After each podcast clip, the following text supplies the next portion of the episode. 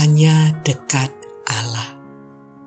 5 Oktober 2021 Dijauhkannya daripadaku. Ayub 19 ayat 13 sampai 20. Saudara-saudaraku dijauhkannya daripadaku, dan kenalan-kenalanku tidak lagi mengenal aku. Kaum kerabatku menghindar, dan kawan-kawanku melupakan aku. Ayub 19 ayat 13 sampai 14. Saudara-saudara Ayub menghindari Ayub, juga kenalan-kenalannya. Dan Ayub merasa Allah adalah dalang semuanya itu. Bisa saja kita menganggap Ayub sudah kebangetan. Namun, janganlah kita lupa bagaimana hubungan Ayub dengan Allah.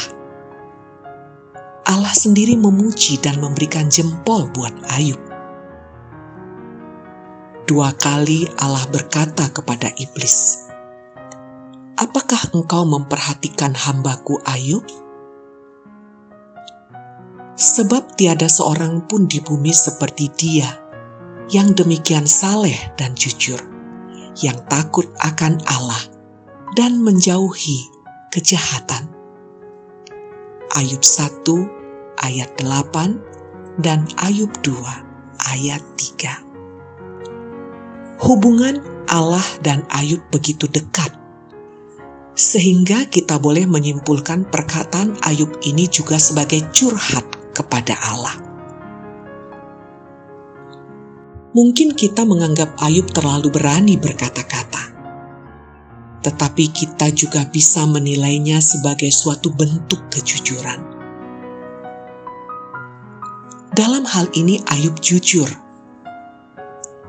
Lagi pula Ayub sungguh percaya bahwa Allah sungguh maha kuasa. Tak ada sesuatu terjadi di luar izinnya.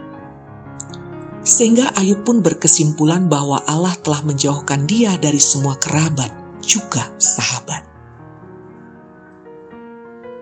Tak hanya itu, Ayub bicara soal budak yang tak menghargainya, istri yang jijik melihat penyakitnya, juga kanak-kanak yang menghinanya.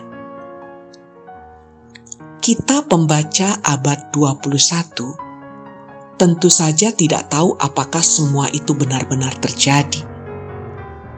Namun kita bisa meyakini bahwa semua ini merupakan curhat Ayub kepada Allahnya curhat seorang hamba yang merasa ditinggalkan Tuhan yang sungguh dikasihinya. Salam semangat dari kami, literatur perkantas nasional. Sahabat Anda bertumbuh.